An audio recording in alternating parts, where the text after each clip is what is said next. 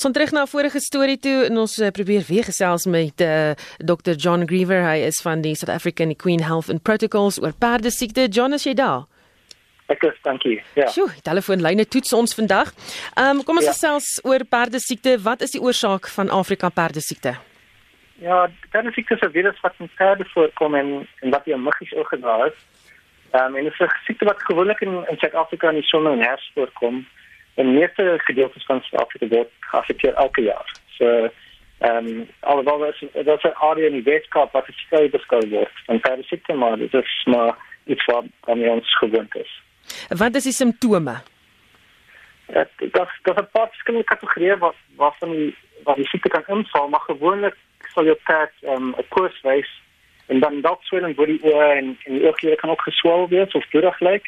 Um, en daai swelling kan ook op die nek voorkom die siekte kan dodelik wees en jy weet in sporadiese gevalle sal dit ongelukkig die eerste tekens wees van probleme op plaas waar as mens nie elke dag met jou perde werk nie. Nou, volgens die departement van landbou is die jongste uitbreking van Afrika perdesiekte in Gauteng en Mpumalanga. As jy bewus van enige ander provinsies waar die siekte uitgebreek het? Ja, ons is bewus van enige gevalle. Jy weet in in die meeste van die provinsies, in Ooskaap, het dit Gauteng is daar redelike um, gevalle daar die Vrystaat was daar pas van hulle Limpopo die net net in in Mpumalanga ook was daar in Mpumalanga was daar redelike groot eh uh, ehm um, hoe sien ek getalle. Ehm um, interessant vir my is dat daar eintlik baie min gevalle van COVID-19 aangemeld is en ehm um, dis eintlik 'n opportunity waar waar ons gewoonlik ehm um, gevalle sou sien op 'n jaarlikse basis. Ehm um, al die areas wat geaffekteer is uh, op die oomblik is almal in die in die perdesiekte ehm um, besmette gebied. En uh, hoe vergelyk verlede jaar se syfers met die van die dieselfde tydperk van jaar?